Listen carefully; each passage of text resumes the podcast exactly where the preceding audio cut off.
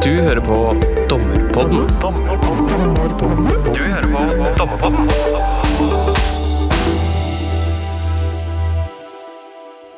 Velkommen til eh, nok en episode av eh, Dommerpodden. Eh, I denne episoden så skal vi snakke om noe så grunnleggende som dommer, og det å skrive dommer. Og det skal vi gjøre ved hjelp av eh, en gjest, som vanlig. Og dagens gjest, det er deg, Jørn Øyreigen Sunde. Velkommen. Tusen takk skal du ha. Du er eh, jo en mangslungen herre. Du er professor ved Institutt for offentlig rett her i Oslo. Um, akademisk så befatter du deg kanskje aller mest med rettshistorie, for det er det du er mest kjent for. Um, hva er det med rettshistorie som eh, fanget din interesse i sin tid? Interesse er vel på én måte samtidsretten, men eh, rettshistorie bruker til å forstå hvorfor ting har blitt som de har blitt. F.eks. For eksempel i dette faget, der jeg eh, jobber med å skrive dommer, så bruker jo rettshistorie bevisst for å vise hvordan domstilen har forandra seg, og hvordan det henger sammen med samfunnsendringer.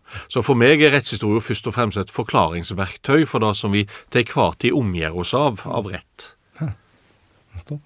Du, um, bortsett fra å være rettshistoriker, så uh, har du jo prestert mye annet også i ditt, uh, ditt nå etter hvert 50 år i liv. Ja, ja. Eh, et høydepunkt som må nevnes, er at du- har vært gjest i Dommepodden før, Ja. og nå er du her for andre gang.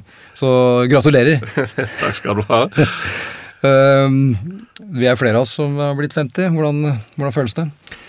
Det føles veldig godt. Eh, Det høres litt rart ut, fordi når en blir 50, så føler en jo etter hvert at kroppen både blir tyngre og sletnere osv. Men jeg lever jo av hodet mitt, og det du kjenner på er jo at du blir rikere på perspektiv og får mer kunnskap, og egentlig syns jeg hjernen bare fungerer raskere og raskere. Så kanskje pga. arbeidet mitt og interessen i livet, så er jeg vel egentlig ganske fornøyd med å bli 50. Ja, men det, var, det var hyggelig å høre. Jeg har slitt litt med å finne balansen mellom det å akseptere at kroppen blir treigere, og i, kanskje er ikke like sikker på som deg at hodet mitt blir noe særlig raskere, men, eh, men, eh, men jeg, er glad, du, jeg er glad for at du har det sånn.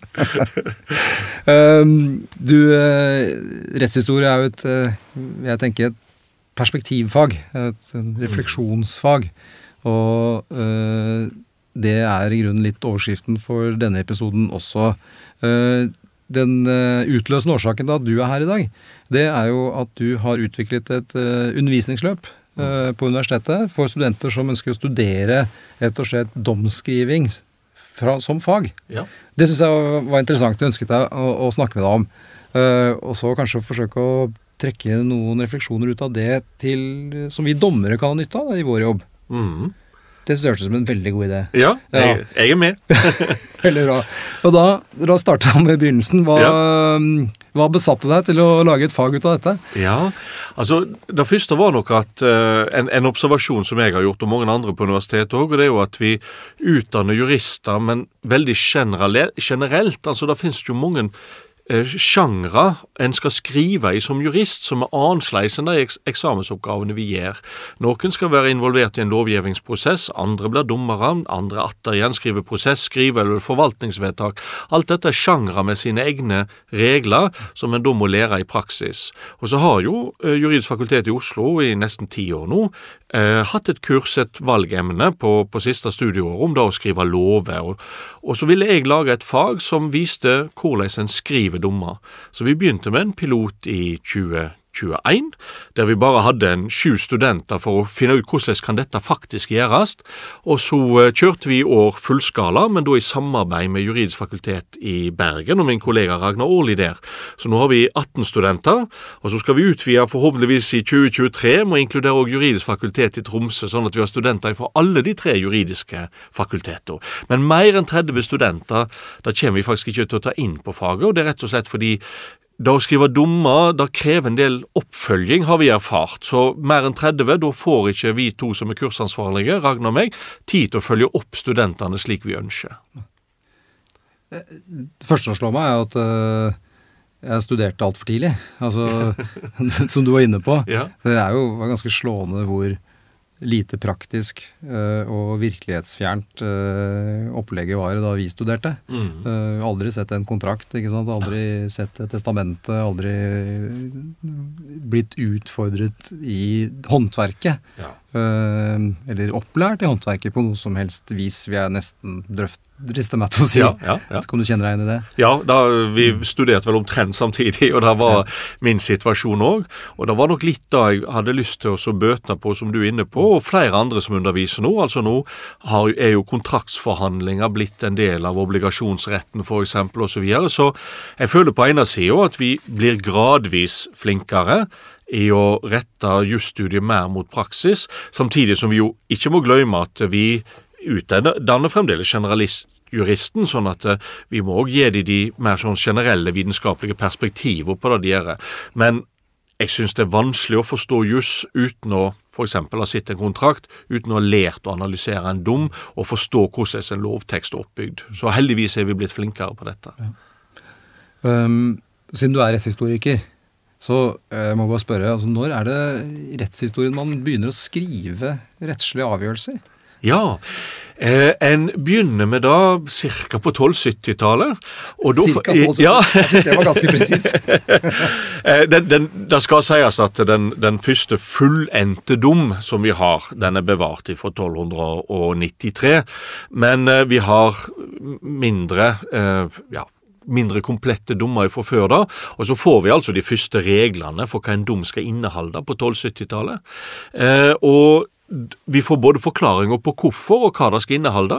Så dette med at du skal med partene sine navn, dommeren sitt navn, tid, stad, de mest vesentlige fakta og rettskjeldene du bygger på, altså det blir knesatt på 1270-tallet, og målet er todelt. Det ene er å hindre at lignende saker kommer opp seinere i rettssystemet, altså at dommen skal være endelig. Eh, og det neste er for at dommen skal kunne gjenbrukes, altså en form for prejudikatsfunksjon. Fordi saker med tilsvarende fakta og tilsvarende rettsgrunnlag skal behandles i prinsippet likt. Så en tankegang som ikke er hos framann, altså, er der og blir knesett så tidlig som på 1270-tallet. Og dette er, nå snakker vi om i Norge, ikke sant? Nå snakker vi om i Norge. Og, i, det, og dette kommer vel et sted fra, vil Ja. jeg tro. Og, og hvem er det? Altså, er det kirken, eller er det, hvor er det dette stammer Ja, dette er kirka. Fordi rettssystemet, det verdslige rettssystemet er primært muntlig veldig lenge, men det er kirka som innfører skriftsbruk med de fordelene det har, blant annet med å få på plass en del fakta om saka, som gjør at du ikke får opp nye saker om det samme fakta. Eh, og de begynner allerede på 1180-tallet, kan vi si, i Europa, å få dette systemet helt på plass. Når vi ligger litt etter, så skyldes det for det første borgerkrigene i Norge som varer fram til ca. 1240. Så vi, vi bruker litt tid på å få på plass statssystemet igjen, kan vi si, før vi, vi begynner å, ta lærdom av kirka og skriftfeste dommer, vi òg. Og, og det, når får vi noe som ligner på dagens eh, system med, med verdslige, profesjonaliserte domstoler som, som gir skriftlige avgjørelser? Ja, altså skriftlige avgjørelser får Eller dommer og avsier, men Ja. en profesjonalisering og en, en institusjonalisering av liksom, domstolene med utspring i en profesjon. Ja, altså det, det kommer litt an på, for vi, vi får på mange måter en profesjonalisering allerede i høgmellomalderen, altså fra slutten av 1200-tallet, men det er jo på lagmannsnivå. Eh, men vi er kommet veldig langt når vi kommer midt på 1300-tallet. Men så kommer jo svartedauden, sant, og kollapsen både i statsmakt og i mange strukturer, sånn at eh, ting Altså La meg si det sånn at vi, vi kommer ned på et enklere nivå igjen før virkelig profesjonalisering og øker gradvis utover på 1600-tallet. Og, og da snakker vi om begge instanser. Altså Lagmannsrettene er opp igjen på et ganske høyt nivå allerede på 1500-tallet. Første instans bruker hele 1600-tallet på å få orden på ting, og så når vi kommer ut på, på 1700-tallet, så får vi et nivå, både førsteinstans og andreinstans, som skriver veldig gode argumentative dommer. Paradokset blir jo at de som henger igjen, det er Høyesterett. Så når vi kommer ut på 1700-tallet, så skriver førsteinstans etter hvert, og vi etter 1750, kanskje så langt som på 1770-tallet, da skriver førsteinstans bedre dommer enn Høyesterett. Fordi førsteinstans og andreinstans, der har du et ankesystem, det er kontroll. Eh, andreinstans kontrollerer førsteinstans, førsteinstans skal ha gode dommer å lese og ta lærdom av. Ingen kontrollerer Høyesterett. Så der går det litt sånn hipp som happ, faktisk, helt fram til 1800. Så, ja. Det er jo vanskelig å kjenne seg igjen i akkurat i dag, kan man vel, eh, kan man vel si. Um, det, jeg har hørt at uh, menn på 50 blir plutselig veldig interessert i historie. Jeg, Ja.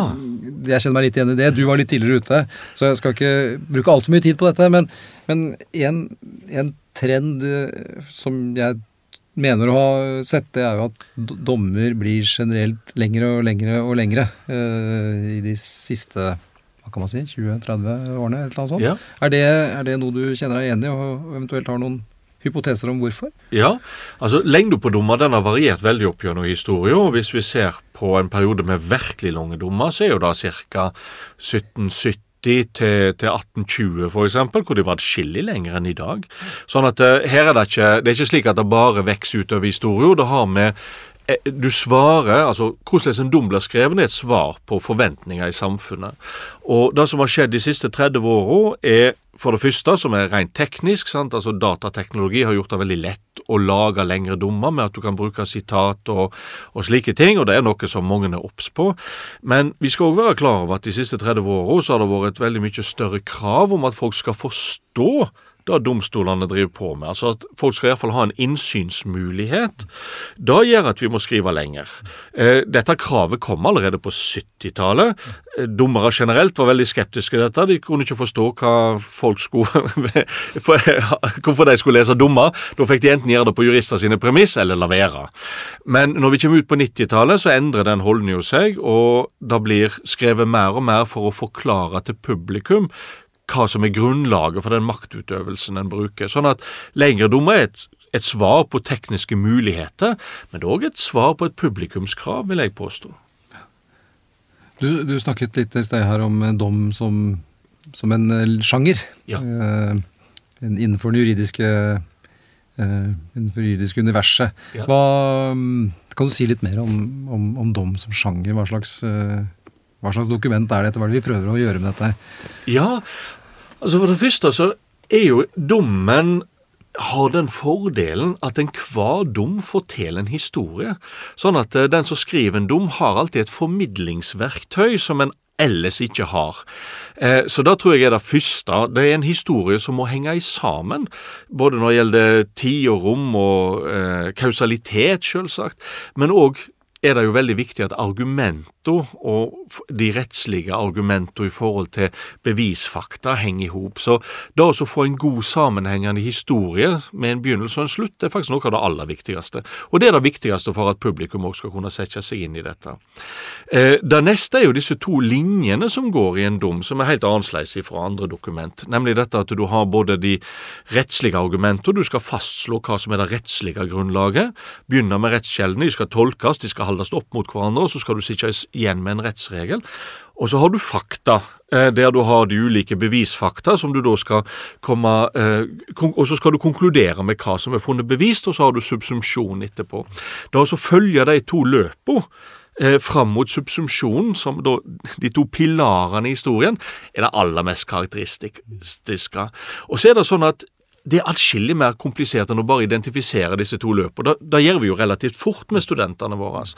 Men så er det sånn at det, det for det første, hva skal du begynne med? Da, hvis du leser en del dommer, så ser en jo at av og til så begynner en med å klarlegge rettsregelen. Av og til fakta. Og av og til så blander en de to, og det er ikke nødvendigvis feil, for av og til er det helt nødvendig med delsubsumpsjoner før du kommer fram til resultatet i saka. Og da vi lærer studentene, ikke at det finnes her én mal, det er sånn du skriver en dom, men spørsmålet er hva, hva belyser saka best? Og det er veldig morsomt å se studentene gjennom en sånn læringsprosess der de begynner med ganske enkle tanker om hvordan en dom skal se ut, og etter hvert tilpasser sjangeren den konkrete saka. Og det er da du virkelig får en, sånn som jeg ser det, da, en god dom. Ja, fordi et sentralt uh, element i, den, i, i det, dette studentløpet, det er at de følger en sak, Ja. ikke sant? og så skriver de selv et utkast til dom. Ja. Hva, de, hva syns studentene er vanskeligst med det? Det høres jo helt kanskje litt sånn rart ut, men for det første så er det nesten et lite sjokk for studenter å følge ei sak. Eh, til dags dato, jeg har bare kjørt kurset to ganger, så har jeg ikke hatt én en eneste student som har vært i en rettssal tidligere. Så, så da er en opplevelse Det neste de opplever når de kommer inn i en sak, da tror jeg er partene. Altså, det, er ikke Peder Aas og Lars Holm. sant? Altså, Det er sånne fiktive figurer.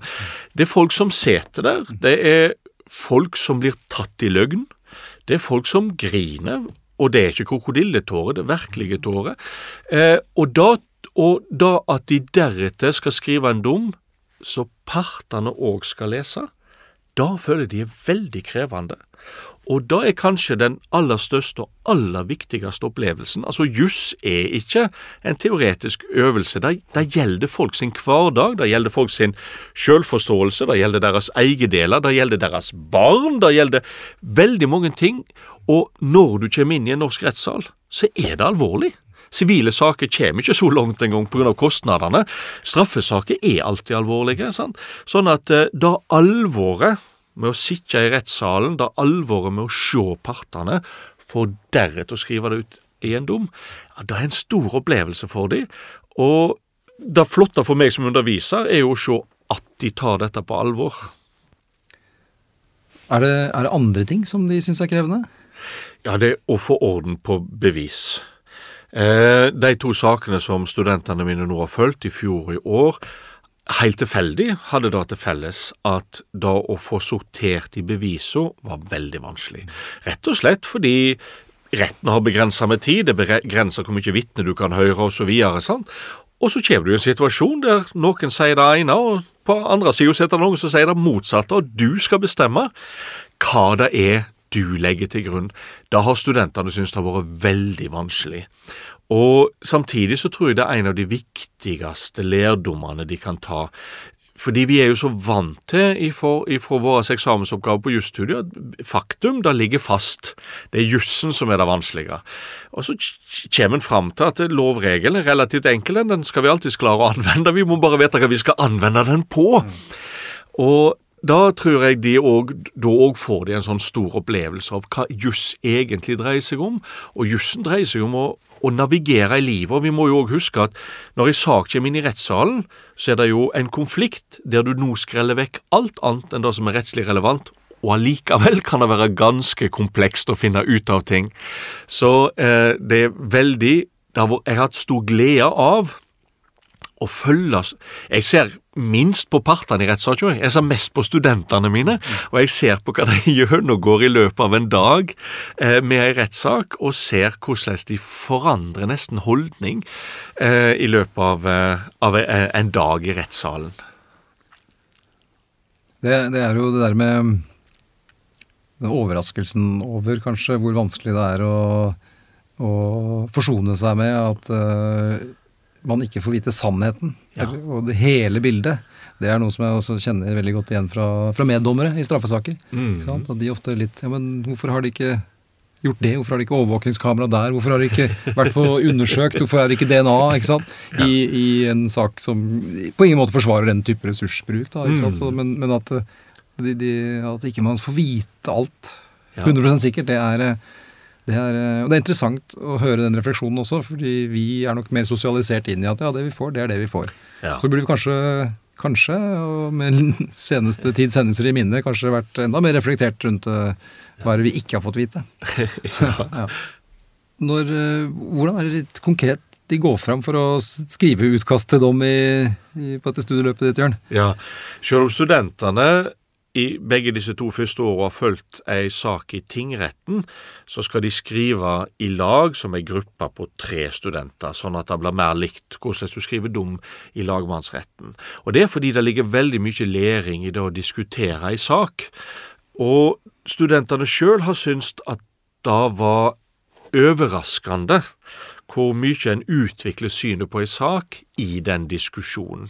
Studentene uttrykker at de har vært ganske sånn trygge når de har gått, sett seg ned med de andre studentene på hva de mener saken handler om, hva som er funnet bevist, og hva rettslig grunnlag de skal bygge på osv. Og, og så opplever de at det er ikke fullt så enkelt, og at det heller ikke kanskje i den diskusjonen er snakk om å vinne og tape, men at det er mer å finne ei løsning i lag. Og det syns de var veldig morsomt og veldig interessant. Så foreløpig så har vi ikke hatt noen dissenser, alle har vært samstemt. Selv om en har vært ganske uenig i inngangen, men en har altså blitt enig gjennom diskusjon. Ja. Og når du skal da vurdere dette produktet, mm. Eh, hva er det du tenker, hva ser du etter? Hva er markørene for en, eh, for en god dom? Ja, Det overordna målet mitt er alltid klarhet. Mm. Altså Det skal være klarhet på alle punkt. Det vil si at uh, selv om det kan være vanskelig å vite hva som er bevist eller ei, så skal en være veldig klar i sin framst, innleiende framstilling av saka. Så er jeg opptatt av at studentene veldig ofte når du skriver, da gjelder jo en dommer og en student, vi er like alle sammen, når du skriver et avsnitt, så skriver du deg jo ofte fram til en erkjennelse. Den har en tendens til å komme i siste setning. Men det med en, et avsnitt som er en samtale, du er ofte mest observant og konsentrert i begynnelsen, mens det avtar sånn at det er det siste som står, eller det siste som blir sagt, er det du får minst med deg. Derfor er jeg veldig tydelig på at du skriver deg fram til en erkjennelse, men det betyr ikke at jeg må lese samme veien fram til erkjennelse. Så jeg ber de ofte vurdere å klippe ut siste setning og flytte den først. Som regel fungerer det helt uten annen redigering, for da kommer Først erkjennelsen, og så kommer argumentet etterpå. For en leser, og spesielt for partene i saka, som ikke er trente til å lese en dom, er det en stor lettelse i det å lese dommen, for du får så mye tydelig, du får klart fram hva som er poenget. Så det er det ene. Det neste er jo dette med bevis, der en ofte vi jurister vi har ofte nok med å få presentert bevisresultater på en viss måte, og så vet vi hva konklusjonen blir. Og så har vi en tendens til å glemme å slå da fast. Ofte så ber jeg studentene vurdere å komme med konklusjon først, og så vise hvordan de har resonnert etterpå. Men det er igjen for at partene skal kunne klare å følge resonnementet. Vi jurister klarer det som regel. Sånn at eh, det er den typen klarhet jeg hele tida pukker på. Ja, det, der, er, der peker også på noe som uh som jeg også opplever blir ganske ulikt praktisert. Altså, mm. Jeg tenker ofte på skal vi, skal vi nå skrive konklusjonen her, og så si at lagmannsretten har kommet til. Ja. Så kommer begrunnelsen. Eller man tar begrunnelsen, og så kommer konklusjonen. Og jeg syns som deg at det kan være ganske effektivt å, å ta det først. Ja. Um, men der tror jeg det, det, er nok, det, er nok, noe som man kanskje kan tenke litt oftere på, egentlig. Um, vi, vi, må snakke litt om um, om, eh, om, om dommerne som skriver dommer også. Ja. Um, dere tenker er det store forskjeller på dommer fra de ulike instansene? altså Tingrettsdommer, lag, lagmannsrettsdommer og dommer fra Høyesterett. det er jo kanskje ulike sjangere, det òg? Ja. Og det, det, første er jo at studentene våre har mest erfaring med å lese høyesterettsdommer. Ganske naturlig, det er de som er prejudikat. Men sannheten er jo at det er veldig liten andel av det samla mengda dommer som blir skrevet hvert år i Norge, som er høyesterettsdommer. Og det er derfor vi har valgt ut at studentene skal følge ei sak i tingretten, for de aller fleste dommer er tingsrettsdommer. Eh, det er òg på sett og vis der det er mest krevende å være, for du får ei ufiltrert sak, eh, selv om i utgangspunktet så burde prosessfullmektigene vært flinke til å skjære til saker, så ser vi jo at da er de egentlig ikke. Det er klart òg fordi prosessfullmektigen er en vanskelig relasjon til parten, så vil ha med mest mulig av eh, si sak. Men så, så da å skrive en førsteinstansdom det blir jo dermed helt annerledes, fordi du må sortere i en ganske stor, oversiktlig materie. Lagmannsretten har det der enklere, det er mer sortert, de kan gå mer inn i jussen. Eh, av og til så, så, så, kan det jo være at, eh, at bevisspørsmål òg har endra seg, men stort sett så er det mer avklart for deg. Eh, og så har vi jo Høyesterett som ikke egentlig vurderer fakta i særlig grad, men kan helt konsentrere seg om jussen. Så vi prøver å vise hvordan de ulike dommerne har en ulik materie å forholde seg til, og derfor er nødt til å skrive ganske ulikt. Og det er jo òg slik at førsteinstans er den instansen som mest kommuniserer med partene. Høyesterett kommuniserer egentlig veldig lite med partene. De, de kommuniserer primært med rettssystemet. Dermed så blir òg spørsmål om klarhet og enkelthet annerledes for Høyesterett, selv om de prøver å oppnå begge deler, så er det helt annerledes enn for en førsteinstansdommer. Så vi prøver oss å formidle dette, og det gjør jo ikke bare vi teoretisk, Ragnar og meg, men vi gjør det jo med at vi har dommere ifra alle de fem relevante instansene i Norge, altså tingrett, lagmannsrett, høyesterett, pluss EMD, og så har vi ifra EFTA-domstolen.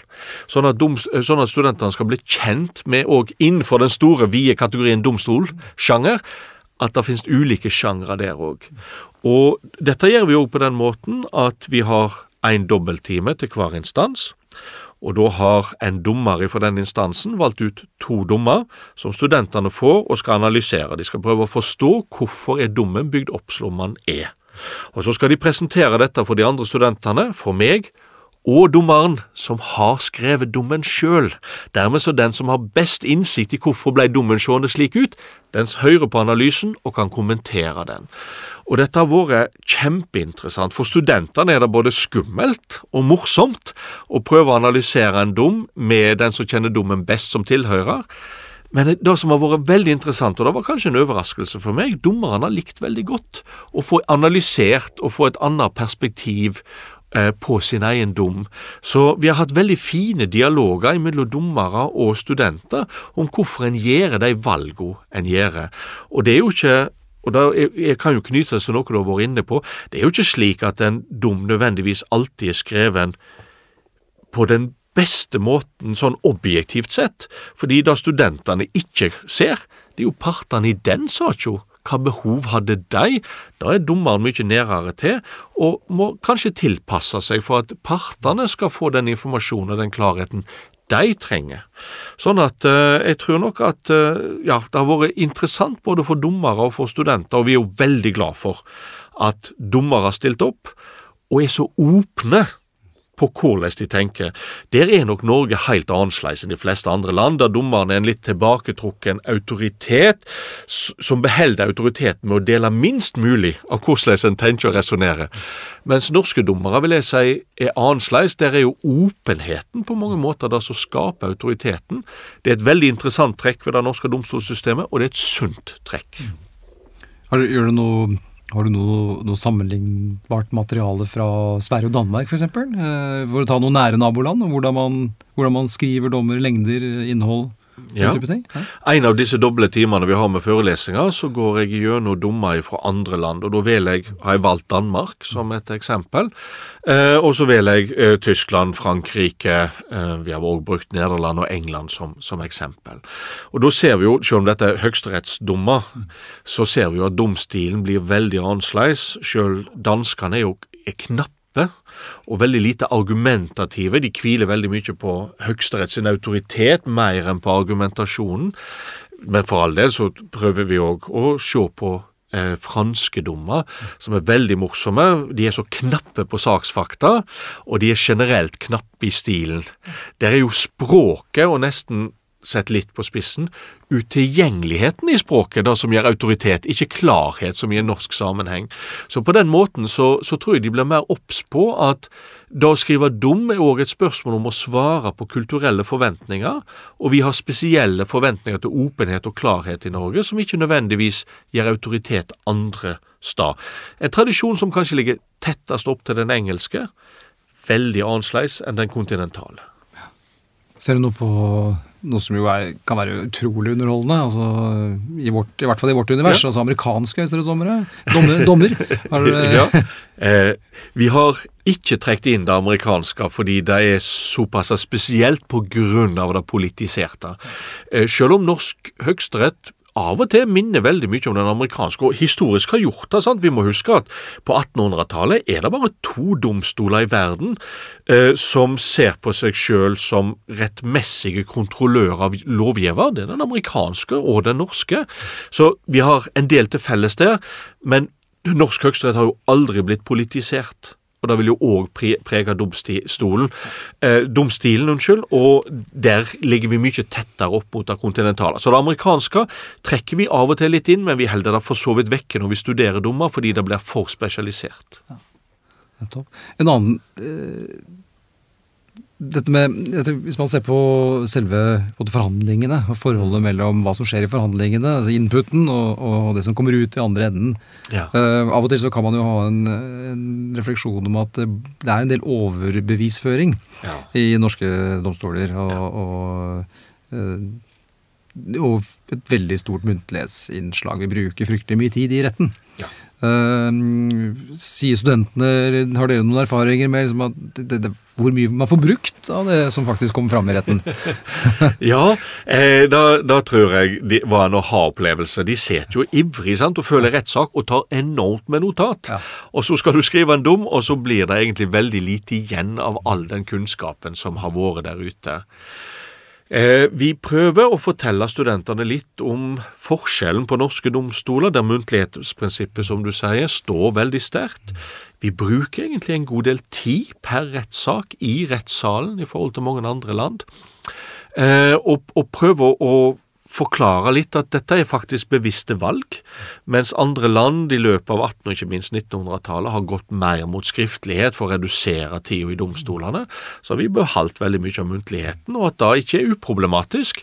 Eh, fordi når saker drar ut i tid, så stiger kostnadene. Da å føre sak for norske domstoler i dag koster så mye at veldig mange saker ikke kommer inn for domstolene i det hele tatt, og at vi kanskje kommer i en situasjon der vi har prioritert muntlighet for å oppnå tilgjengelighet, kanskje komme i en situasjon der vi hindrer tilgjengelighet pga. kostnadssida ved dette.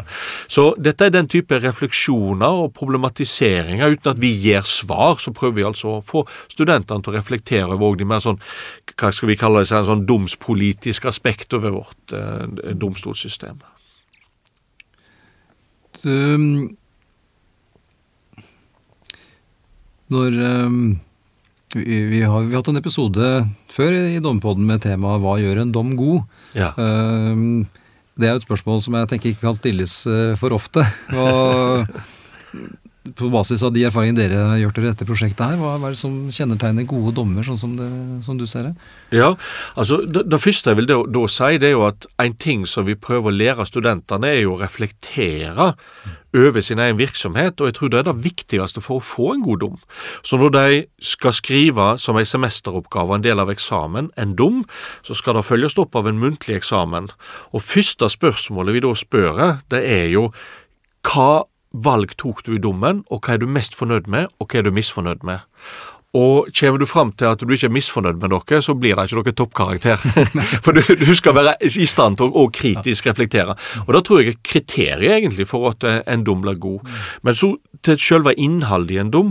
Eh, for meg er det første det må svare på forventninger og der har vi to typer forventninger. Det ene er at samfunnet har visse forventninger, og samfunnet i dag, som er et OP-samfunn eh, og demokratisk samfunn, så har du forventninger om å bli en dialogpartner. altså Dommen skal òg henvende seg til deg som, som, publikum. Så det er det første du skal svare på de forventningene, rettskulturelle forventningene som finnes i samfunnet. Og så må du kunne svare på partene sine behov, og de varierer jo veldig. Er det private parter i en konflikt om eh, foreldreansvar, eller er det en entreprisekontrakt som, eh, som blir diskutert. Det, er vidt forskjellige behov, og dommen må tilpasses da. Så det ene er et spørsmål om å svare på forventninger. Uansett hva forventninger du svarer på, så er det et krav til klarhet. En doms i oppgave er alltid å legge lokk på en konflikt, og maksimalt effekt får du når dommen er klar. Så dette med klarhet, uansett hva forventninger som finnes i samfunnet blant partene, det er et uforvikelig krav for meg Både litt med eh, forskjellig publikum. ikke sant? Ja. Altså Du nevnte entreprisekontrakt, f.eks. For en forretningsmessig tvist kontra en uh, tvist som kan man tenke seg arbeidsrett, eller man kan tenke seg foreldretvist. Ja. Som er fra det Skal man tenke seg helt rasjonelle til over i det mer emosjonelle? ikke Ja. sant? Er det, skal man skrive dommen annerledes, eh, avhengig av publikum? Ja, Ja. det er nødt til, fordi det er den konkrete konflikten som skal bilegges nå, som skal, du skal legge et låg på. Og da må du svare på de behovene som partene har for å føle at konflikten nå har kommet til en ende.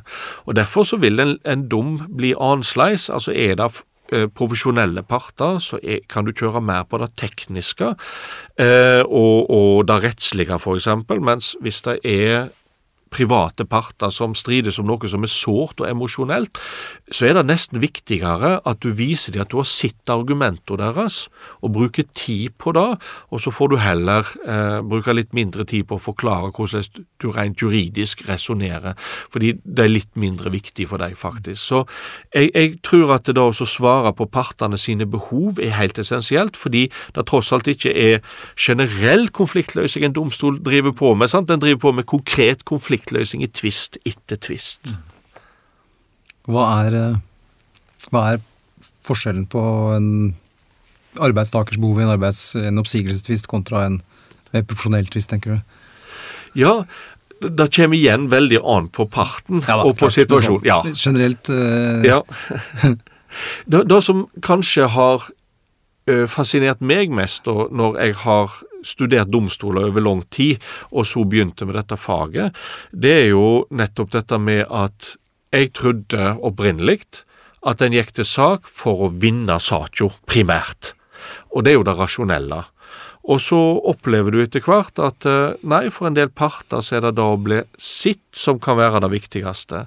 Eh, og da kommer vi tilbake til dette med oppsigelsessak. Altså, det kommer litt an på hva som er bakgrunnen. En part som føler seg som, som blir oppsagt pga. mistanke om uredelig atferd, f.eks., har et helt annet behov enn den som har en, en tvist som går på mer sånn arbeidstekniske ting, rett og slett. Så jeg tenker hele tida at uh, vi, må, vi må være litt obs på partene, hva behov og hva er årsaken til konflikten. Eh, en, en sånn innfallsvinkel er jo at man eh, skal tenke kanskje mest på den tapende part når man skriver en sak. Altså Ja. i en, og at den parten som ikke får medhold, iallfall får en eh, veldig god begrunnelse. Det kan kanskje være sånn at den parten som vinner, kan være gjennomgående litt mindre interessert i begrunnelsen enn resultatet, og kanskje omvendt på, på den andre siden. Altså det kan jo ha en side til eh, både det som du var inne på, å og føle seg sett, Ja. og kan jo kanskje også gjøre noe med appetitten til å anke, f.eks. Den type ting. Gir det, gir det mening?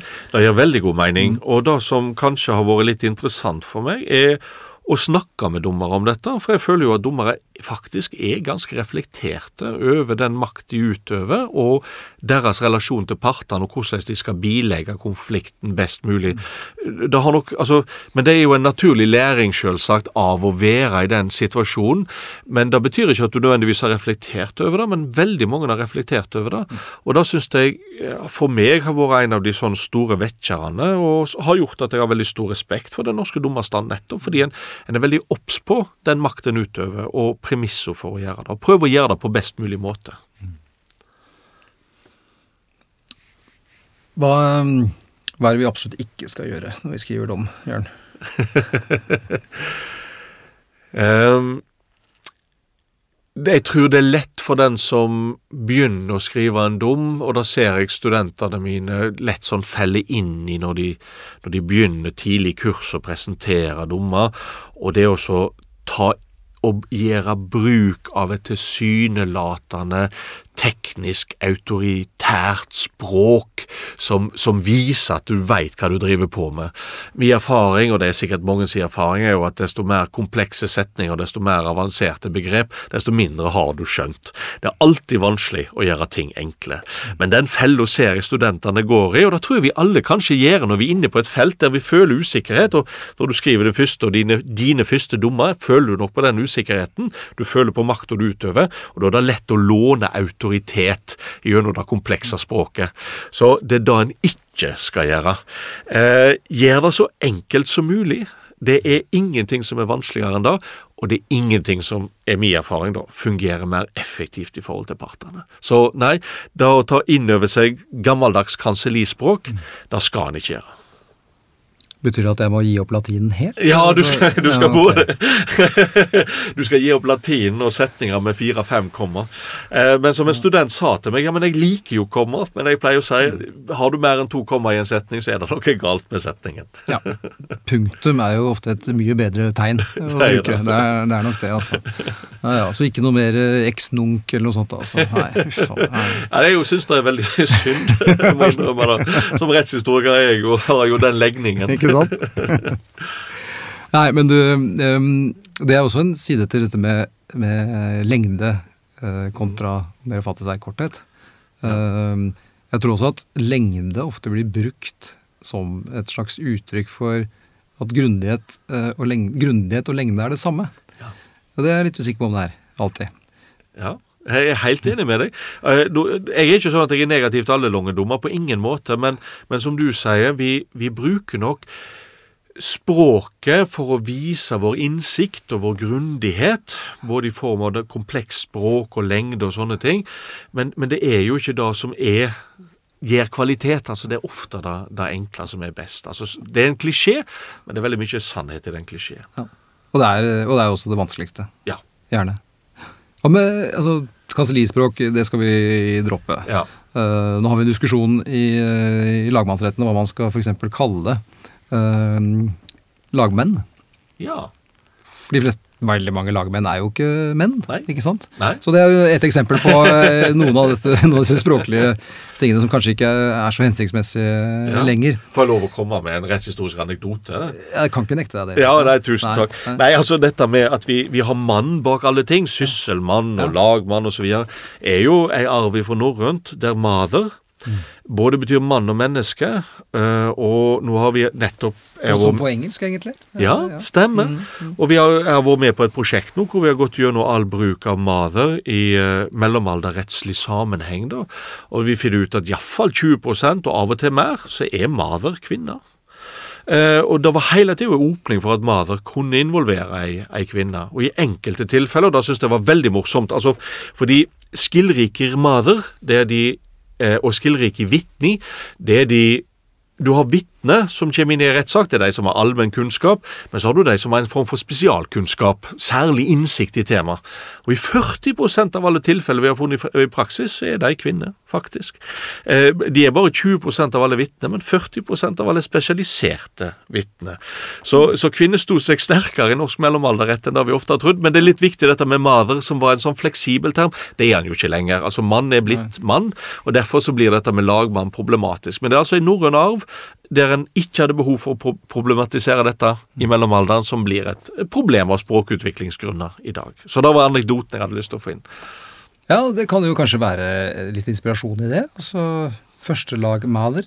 Ja, det, Det høres jo ganske, høres ganske bra ut her. det høres veldig fint ut. Jeg vet ikke om det er gangbart, men det høres flott ut. Ja, ja, ja. Ok. Du, ehm, hvilke, hvilke deler av en dom tenker du er, er på en måte minst informative i, i, når dere ser på dommer? Man har gjerne, ikke sant, en, det kan være litt konkret. altså Man har ofte i sivile saker særlig en ganske lang og detaljert redegjørelse, en fortung redegjørelse Ja. for sakens bakgrunn. Ja, Og så kommer partenes anførsler, og så kommer rettens premisser. ja. Um, det er nok en tendens til at eh, noen tenker at man skal gjøre dommen mer, eh, mer baktung. Altså ta inn faktum der det, der det kommer i spill. ja. eh, i subsumpsjonen, ikke sant. Gjerne. Ja. Og ikke sitere fra kontrakten innledningsvis, men ta det der det gjelder, osv. Jeg har litt sympati med det. Er det liksom, gjør deler studentene refleksjoner om måte, hvordan, hvordan dommene er bygget opp? Hvordan kan det gjøres bedre? Ja. Altså, eh, da som vi, Når vi leser dommer, så ber jeg studentene stille seg spørsmålet nettopp trenger vi denne innleiinga.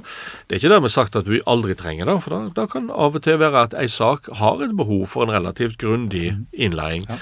Men jeg spør de alltid om, eh, om de kan stille seg sjøl det spørsmålet. Fordi ofte, som du sier, så kan en putte for mye rett og slett for mye fakta der, og for lite senere i dommen. For det er tross alt hva vi finner bevist, og hvordan vi bruker det fakta vi, vi finner bevist, som er det avgjørende. Det som står framme, er mer ei, ei fortelling. Så jeg har generelt samme synspunkt som deg. La oss bruke fakta når det kommer i spill, når det er viktig for, for uh, rett, uh, hvordan vi skal til slutt anvende rettsregelen og subsumpsjonen. Men uh, for all del, jeg er ikke dermed kritisk til alle dommer som har en lang innleiing, for det kan av og til være et behov for det. Ja da, og det er vel et utslag av liksom den, den, generelle uh, hypotesen som du også ja. uh, formulerte i stad. Altså, dette er ikke fasitsvar, og, og det er heller ikke en uh, sånn at én One size does not fit all. Det stemmer. Og, og da, jeg, vet ikke, altså, jeg har jo aldri vært på den andre sida. Altså, hvordan føles det når du kommer inn i rettssalen? Altså, føler du hver gang at Føler du av og til at 'dette har jeg vært borti før', dette faller inn i et mønster? Og føler du av og til at 'nei, det, dette blir spesielt', her må jeg konsentrere meg, for, for dette passer ikke inn i noe jeg har opplevd før'? Ja, absolutt. Ja. Uh, ganske ofte det siste. Nettopp. Overraskende ja. ofte det siste, ja. egentlig. Og det er ikke nødvendigvis en sammenheng mellom hvor mange ganger man har vært i retten og i hvilken grad man uh, opplever at man mestrer. Uh, jeg opplever jo at jeg mestra opplever større mestringsfølelse nesten som dommerfullmektig enn jeg gjør nå.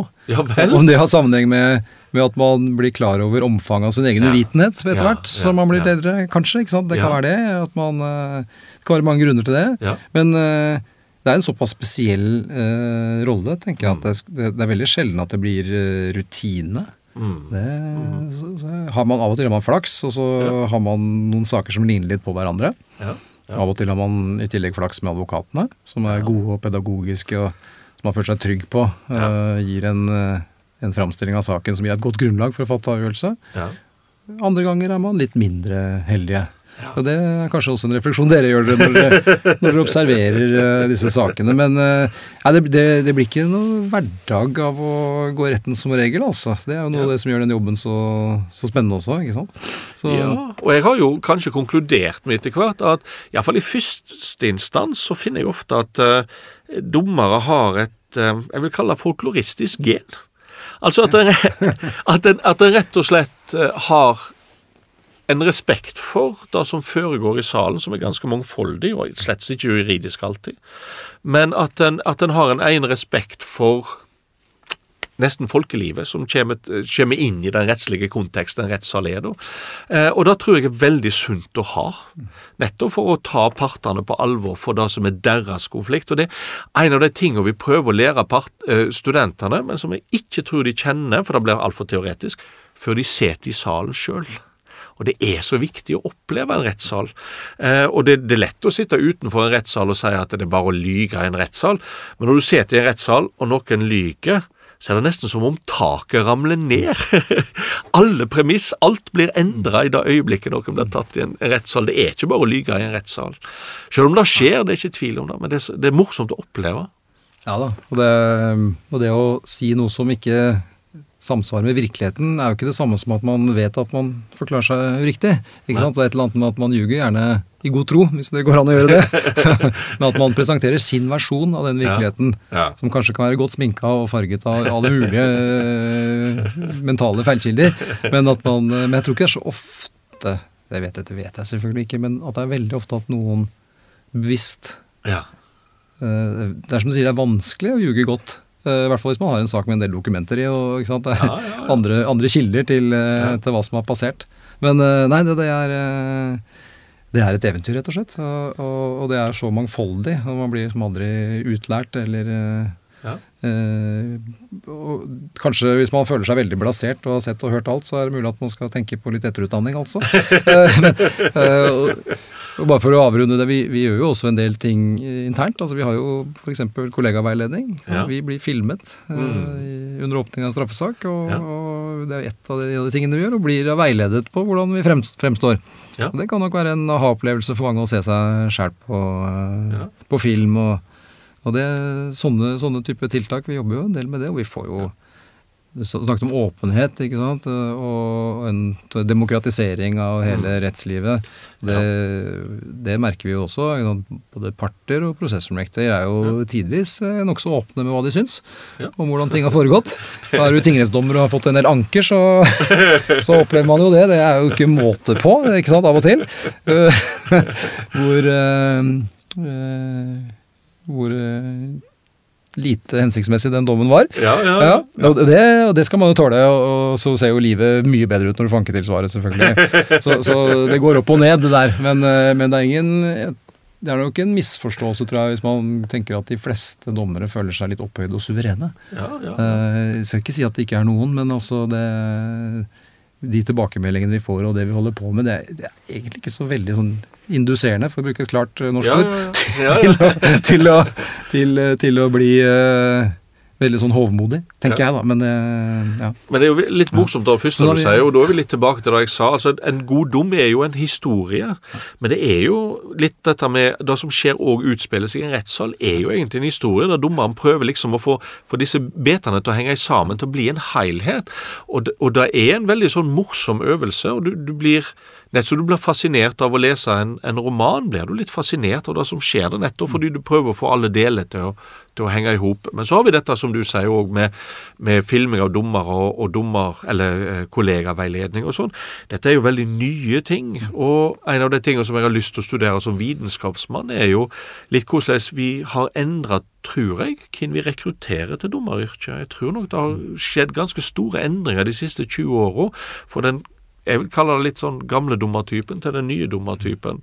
Og der er nok eh, den audmjukheten du snakker om, en del av karakteristikken ved den nye dommertypen, som jeg ikke alltid tror den gamle sorenskriveren eh, hadde i sitt sorenskriverembete før i tida. Nei, det er ikke sikkert det. Eh, En annen, et annet perspektiv er jo partsperspektivet, som du er opptatt av også. ikke sant? Å, å snakke med partene i de sakene dere har skrevet dom i. Ja. Det kan man forske litt på. Hvordan, hvordan de opplevde Ja. både det å være til stede i retten og, og ikke minst ø, dommen. Liksom. Ja. Forstår de den? Uh, Ja. Har de lest den? Bryr de seg om hvordan den er begrunnet? ikke sant? Det, Ja. sånn, det kunne vært også interessant. Og en som annen driver med sånt. Ja, og Ja. enda en annen ting, det er jo rettsmekling, som blir mer og mer en del av dette, som eh, er interessant i Norge, fordi rettsmekling skjer i domstolene, av dommere. Der du på en måte legger vekk en del av den, det formaljuridiske og alt dette, sant, og prøver også å få i gang en samtale. Det òg krever en annen kompetanse, er, er krevende og vanskelig. Men òg veldig interessant, og skulle, jeg skulle gjerne forska mer på hvordan partene opplever det, både der og da, men ikke minst et par år seinere. Og da, da siste har vi veldig lite informasjon om. Da kan jeg vise til en eh, masteroppgave skrevet av eh, Vent for det. Ja. Undertegnede og ja. Hanne Sofie Bjelland i Oslo tingrett. Vi okay. Analyserte rettsmekling bl.a. ut fra parters opplevelse Ja. uh, av det, i forbindelse med at vi tok en, eh, en master i, i mekling og konflikthåndtering på, i København for et par år siden. Nettopp. Så den skal jeg sende til deg. Takk. Uh, og så um, og så kan vi snakke mer om uh, rettsmekling tenker jeg ved en annen anledning, for det, det syns jeg er veldig gøy. Vi eh, tror vi begynner å, å nærme oss en avrunding av uh, dom. Vi har Ja. snakket litt om dom, vi har også snakket litt om dommerrolle, og vi har snakket uh, om det ene og det andre. Ja. Så det har vært utrolig interessant å høre dine perspektiver på dette, Jørn. Er det noe du, noe du vil si sånn avslutningsvis om, om uh, vår domskriving? Et godt råd? Eller en observasjon du, du har gjort deg? Da vil jeg bare gjenta det som jeg eh, sa, alltid sier til studentene mine. Vurder alltid om ikke siste setning i et avsnitt kan flyttes først, uten mer redigering. Som regel kan den det, og teksten blir mye lettere tilgjengelig. Tusen takk for det, Jørn. Det, det høres ut som et tips jeg skal begynne å bruke. takk for at du kom. Takk for at jeg fikk komme. Du har hørt på Dommerpodden. Mitt navn er Ragnar Lindefjell, som eh, lager Dommerpodden i samarbeid med Ola Berg Lande og Runa Nordahl Hereid. Du har hørt på Dommerpodden. Dommerpodden er en podkast fra Norges domstoler og er først og fremst ment som et kompetansetiltak for dommere. Hvis du har ris, ros, forslag til temaer eller folk vi kan prate med, så er vi glad for å høre fra deg, og da kan vi nås på podkast at domstol.no. Ha en god dømmende hverdag så lenge. Vi høres.